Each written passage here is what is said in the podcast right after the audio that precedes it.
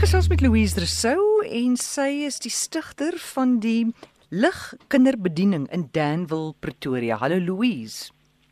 Hallo, gaan dit by jou? Baie goed, dankie. Ek verstaan jy het vir ons 'n besonderse storie van toeval. Ja, as as ek dit toeval kan noem.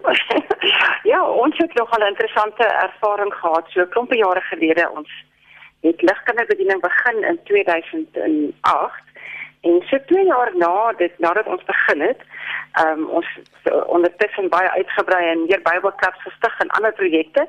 En op 'n dag staan hierdie ehm um, jong man duidelik van 'n ander land hier by ons.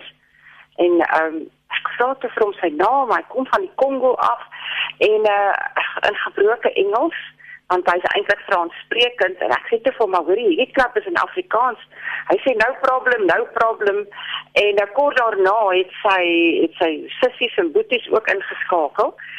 Um en hulle is baie aktiewe hmm. voorbeeldige uh, deel van van ons uh, van die Bybelklub in in Danville. Um ja, hoe hy daar gekom het. Vertel um, vir my soos ek verstaan uh, met die onrus daar in die Kongo het sy gesin uitmekaar uitgespat, né?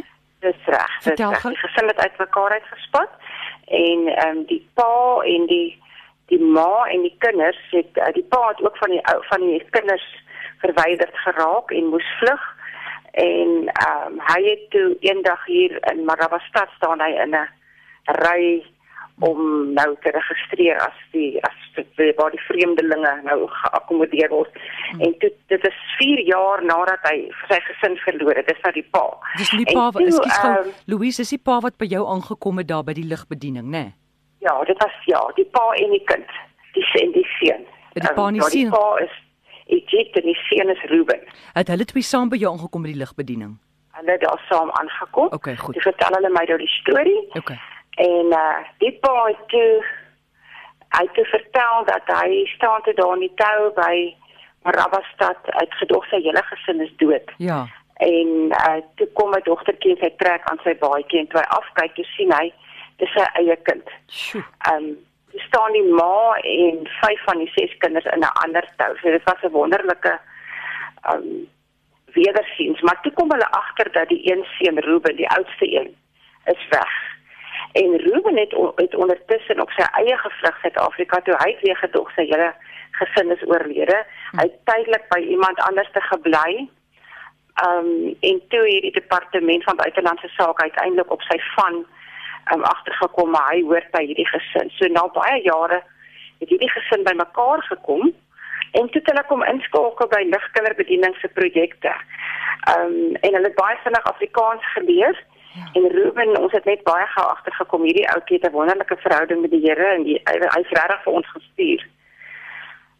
So uh, ja. ons het op 'n stadium toe hy nou ons het hom gehelp om matriek te maak by Eland Spoort Hoërskool en toe is hy het hy twee kursusse gedoen by Insig College in Swyswerk en uh, nou het hy so 'n paar dae gelede het hy uh, kon hy inskryf by Brooklyn College.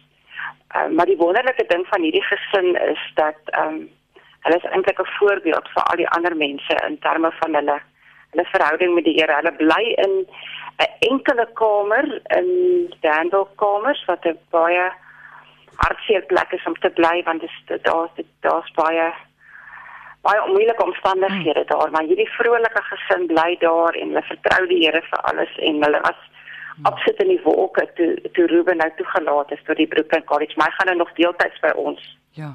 betrokke wees. Maar wat se oulike goed so die hele gesin praat nou Afrikaans.